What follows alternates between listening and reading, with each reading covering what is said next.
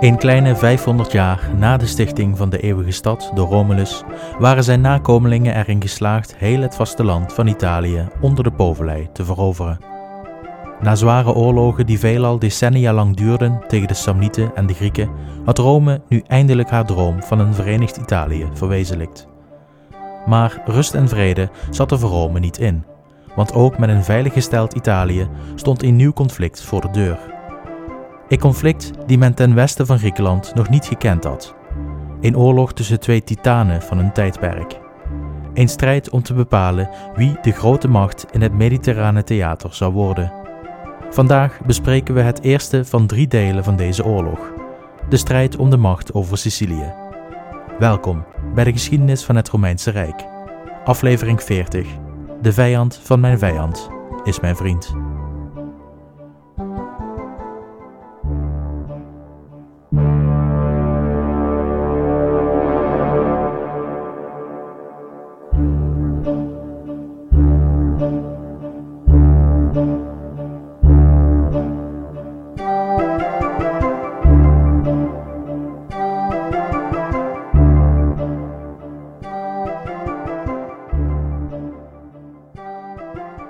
De vorige aflevering zijn we geëindigd met de oorlogsverklaring van Rome aan Carthago en Syracuse. De consuls hadden de patriciërs overtuigd met beloften van bergen aan goud, slaven en roem. Doel van de oorlogsverklaring was in eerste plaats het redden van de Mamertijnen en ten tweede het voorkomen van Carthaags gezag over het Siciliaanse eiland. In werkelijkheid was het doel om voet te krijgen op het eiland en een uitbreiding van Carthaagse macht te beperken. Maar Romeinen startten geen agressieve oorlogen, en dus was het redden van de Mamertijnen de zogenaamde casus belli. Maar hoe zouden de Romeinen aankomen in Sicilië? De Romeinen hadden niet veel ervaring met het verplaatsen van grote hoeveelheden troepen over zee. Het duurde dan ook even voordat de eerste poging ondernomen werd. Dat lag aan verschillende redenen. Ten eerste hadden de Romeinen tijd nodig om een consulair leger te recruteren en te verplaatsen naar Regium, de uitvalsbasis van de invasie. Ten tweede moesten de Romeinen bij hun bondgenoten aankloppen voor zeewaardige schepen. Met name Tarentum en Neapolis, oorspronkelijk Griekse stadstaten, hadden de beschikking over een vloot bestaande uit Griekse zeewaardige schepen. Eenmaal verzameld bij Regium, bleken de Carthagers een eskader aan oorlogsschepen verzameld te hebben nabij Messana, met uitzicht over het waterlichaam waar de oversteek plaats zou moeten vinden. Bij een oversteek zouden deze vijandelijke schepen zeker de confrontatie zoeken, met talloze verloren Romeinse levens tot gevolg. Voorzichtigheid was dus geboden, en voordat Rome het hele leger naar Sicilië stuurde, werd eerst consul Caius Claudius de straat van Messana overgestuurd. Hij trok direct naar Messana zelf, wat in handen was van een kleine groep Carthagers, overblijfselen van de hulpvraag van Messana aan Carthago in de oorlog tegen Syracuse. Claudius verzekerde de Mamertijnen dat ze konden rekenen op de hulp van Rome, dat er een groot leger klaar stond om de oversteek te maken en dat ze de stad en haven vrij moesten maken van Carthagers voordat de oversteek kon beginnen. Wanneer precies is onduidelijk, maar de Mamertijnen besloten het advies op te volgen. De Carthagers werden de stad uitgejaagd en de Carthaagse bevelhebber die dit alles liet gebeuren, werd bij thuiskomst in Carthago gekruisigd voor zijn verlies van de stad. Met de haven niet meer toegankelijk voor de Carthagers, werd de uitgangspositie van hun vloot verzwakt. Dit was het moment voor de Romeinen om de oversteek te wagen. Bij een eerste poging slaagden de Carthagers erin de oversteek te voorkomen. Enkele schepen werden geramd en in beslag genomen, en een consulaire leger werd gedwongen terug te keren naar Regium. Deze gemakkelijke overwinning van de Carthaagse vloot liet de Carthagers besluiten de tijdens de zeeslag overwonnen schepen aan de Romeinen terug te geven, samen met de gevangenen. Dit deden ze om indruk te maken op de Romeinen. Ze probeerden duidelijk te maken dat hun marine zo sterk was dat ze het zich konden veroorloven de schepen terug te geven. In een poging de Romeinen hun onverzeese aspiraties op te laten geven en een escalatie van het conflict te voorkomen. De Carthaagse bevelhebber zou zelfs tegen de consuls gezegd hebben dat Rome een vrede moest nastreven en er beter aan zou doen om de Carthaagse macht op zee niet te testen. Hij zou gezegd hebben: Carthago zal voorkomen dat jullie Romeinen zelfs jullie handen kunnen wassen in het water van de Mediterraanse Zee. Vers gewaarschuwd vertrok Caius Claudius, die zich nog steeds in Messana bevond, richting Hiero, de tiran van Syracuse, en naar de Carthaagse bevelhebbers, met de mededeling dat Rome nu eenmaal verplicht was de Mamertijnen te helpen. De Romeinse fides, vrij vertaald de Romeinse loyaliteit, verplichtte hen hiertoe. Uiteraard werd deze Romeinse smoes doorzien. Het was een smerige list om in oorlog op het eiland te verantwoorden voor het volk, en het zorgde onbedoeld voor een nadelige ontwikkeling voor de Romeinen. Zowel Syracuse als Carthago hadden door dat de casus belli, of de reden van de oorlog, in wassen neus was. De Romeinen hadden de ballen niet om te zeggen waar het op stond. En dus besloten Carthago en Syracuse tot een verbond. Ondanks de jarenlange oorlogen die ze hadden uitgevochten, gold in deze: de vijand van mijn vijand is mijn vriend. Ze kwamen overeen dat Messana, koste wat het kost, heroverd moest worden om te voorkomen dat de Romeinen een haven op het eiland zouden bemachtigen. En dus werd door zowel Carthago als door Syracuse een leger naar Messana gestuurd om het te veroveren. Dit laat het opportunisme en het eigen belang van beide mogendheden goed zien. Daar waar zij eerst aardsvijanden waren, marcheren ze nu tezamen om te voorkomen dat een groter gevaar de kusten van Sicilië bereikt. Met Syracuse en Carthago onderweg naar Messana begon de tijd voor Rome te dringen.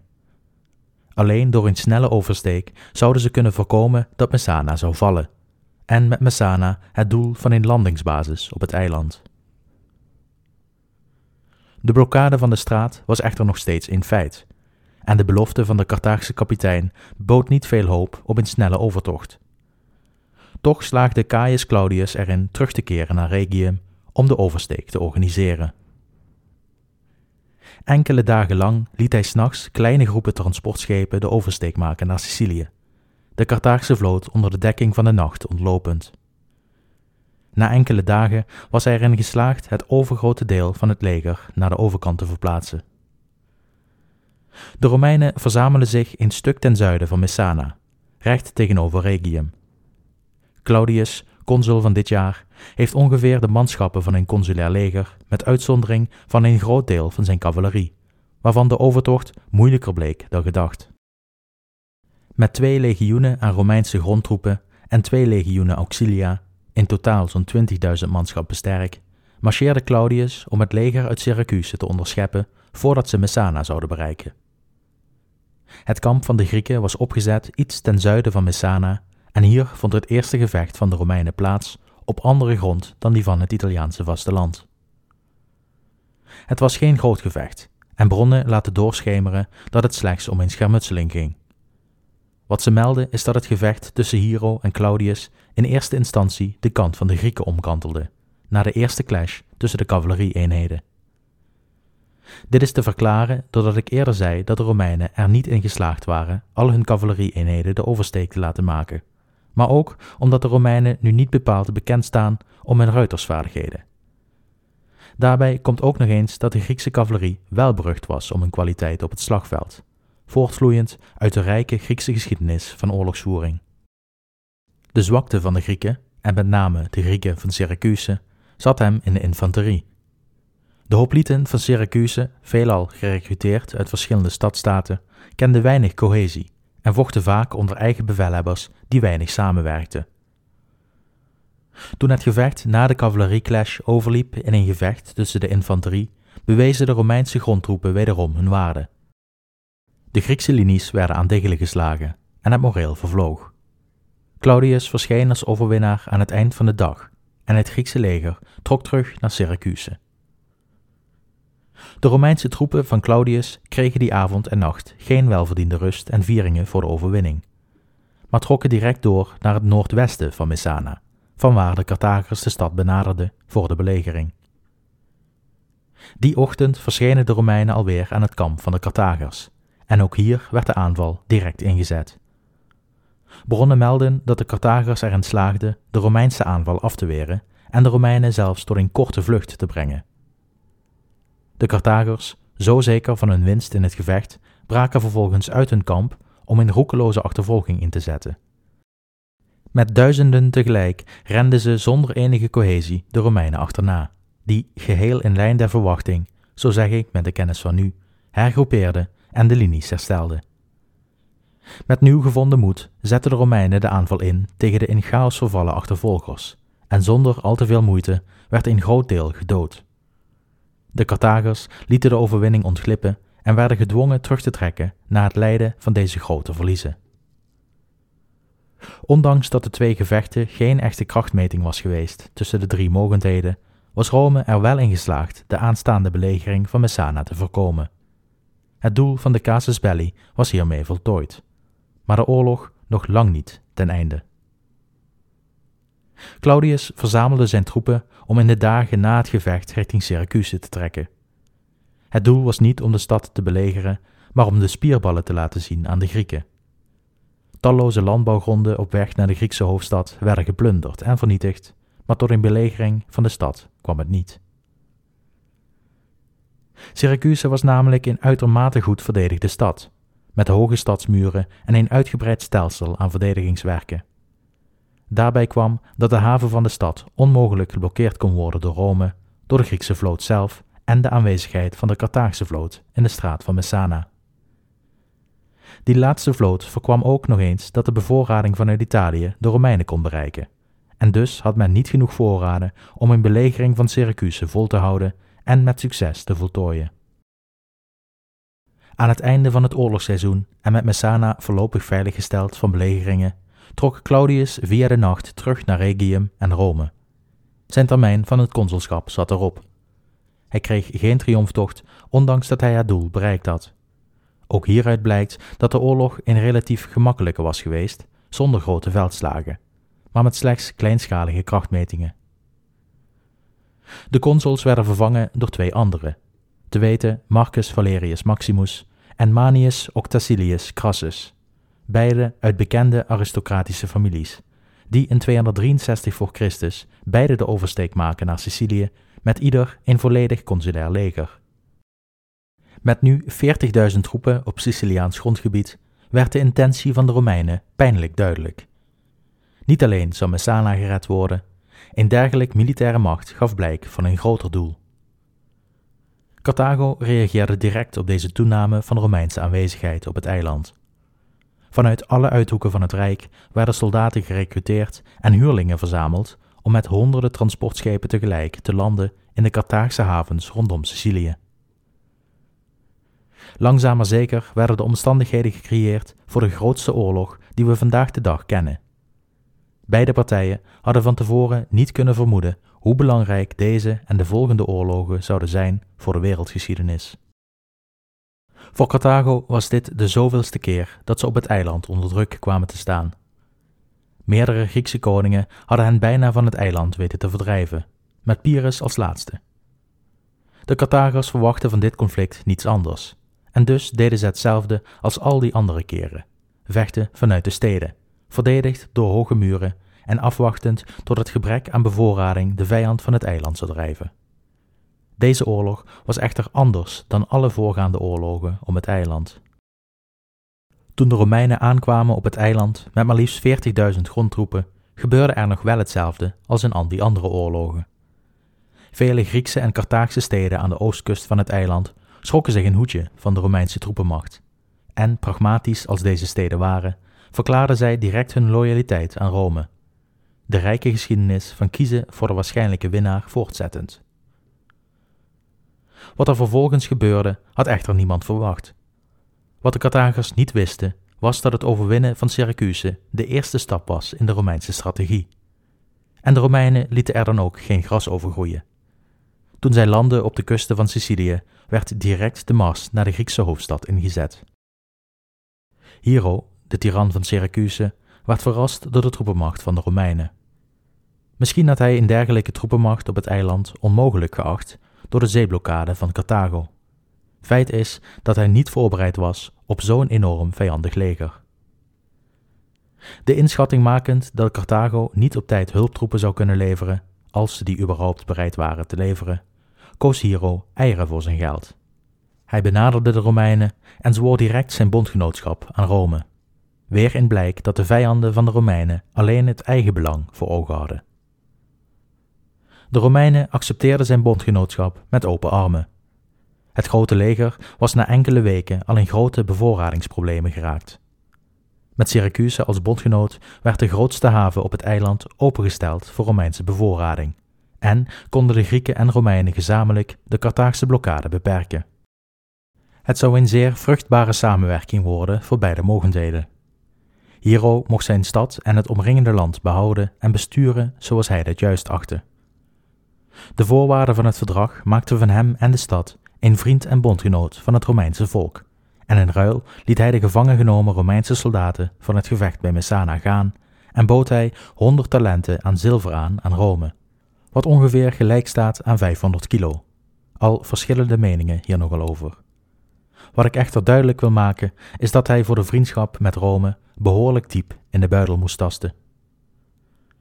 Het campagneseizoen van dit jaar was tegen de tijd dat alles geregeld was met Hero alweer voorbij. De Romeinen hadden een beetje grond kunnen winnen aan de oostkant van het eiland door enkele Griekse steden gemakkelijk te veroveren of doordat ze zich over hadden gegeven aan de genade van Rome. Messana was veiliggesteld en in Hero had men een trouwe bondgenoot gevonden. De oorlogsdoelen waren behaald, maar tot een de-escalatie kwam het zeker niet. Ik ga de aflevering hier langzaam afronden. U merkt, het is een kortere aflevering dan gebruikelijk. Ik heb hiervoor gekozen omdat de Eerste Punische Oorlog zich laat opknippen in verschillende fasen, welke ik u het beste kan uitleggen in aparte afleveringen. Zoals deze aflevering, de oversteek en het bondgenootschap van Syracuse, het eerste deel. En zullen we de volgende week de oorlog op land bekijken, zodat we de week erna de zee opgaan. Ik zeg volgende week, omdat ik ook heb besloten om in deze tijd van thuisisolatie iedere week een kortere aflevering uit te brengen dan om de twee weken een langere. Dus vanaf nu verschijnt er iedere week een aflevering voor een nog nader vast te stellen periode. Ik hoop dat u daar geen bezwaar tegen heeft. Dan heb ik ook nog een tip voor u. Zoals ik in de vorige aflevering heb gezegd, heb ik na het opnemen van de vorige aflevering de eeuwige stad bezocht. Naast de talloze opgravingen hebben we het Kapitolijns Museum bezocht, waar ik de schilderingen die ik eerder op de website heb geplaatst, nu in het echt heb gezien. Naast dat staan er nog veel meer interessante beelden in dit museum en voor de liefhebber van de Romeinse geschiedenis is dit museum zeker een must. Maar naast het museum wil ik u iets anders aanraden, buiten Rome. Mocht u in de gelegenheid zijn en interesse hebben in Romeinse opgravingen, bezoekt u dan de villa van Hadrianus, nabij het dorpje Tivoli, op zo'n uur afstand van Rome per trein. Deze opgraving, dat tot het UNESCO Werelderfgoed behoort, is een groot complex aan bouwwerken, gebouwd in opdracht van Hadrianus, en diende als buitenverblijf van de keizers. Tientallen gebouwen, villa's en badhuizen zijn hier gebouwd en ze zijn nog in behoorlijke staat, waardoor je minder verbeelding nodig hebt om je voor te stellen hoe het er toen bij heeft gelegen. Het is er heerlijk rustig en prachtig om te zien. Dus mocht u in de toekomst Rome bezoeken, de villa van Hadrianus nabij Tivoli is zeer zeker de moeite waard. Tot zover deze aflevering. Volgende week gaan we in 261 voor Christus met twee nieuwe consuls en vier verse legioenen de oversteek naar Sicilië maken en zien we het eerste grote gevecht tussen Rome en Carthago om de stad Agrigentum, waar we voor het eerst de naam Hannibal horen. Het zal een zware beproeving worden voor de Romeinen en de Carthagers laten zien dat ze zich niet zomaar van het eiland af laten schoppen. Dit en meer volgende week in de geschiedenis van het Romeinse Rijk. Voor nu bedankt voor het luisteren en tot de volgende keer.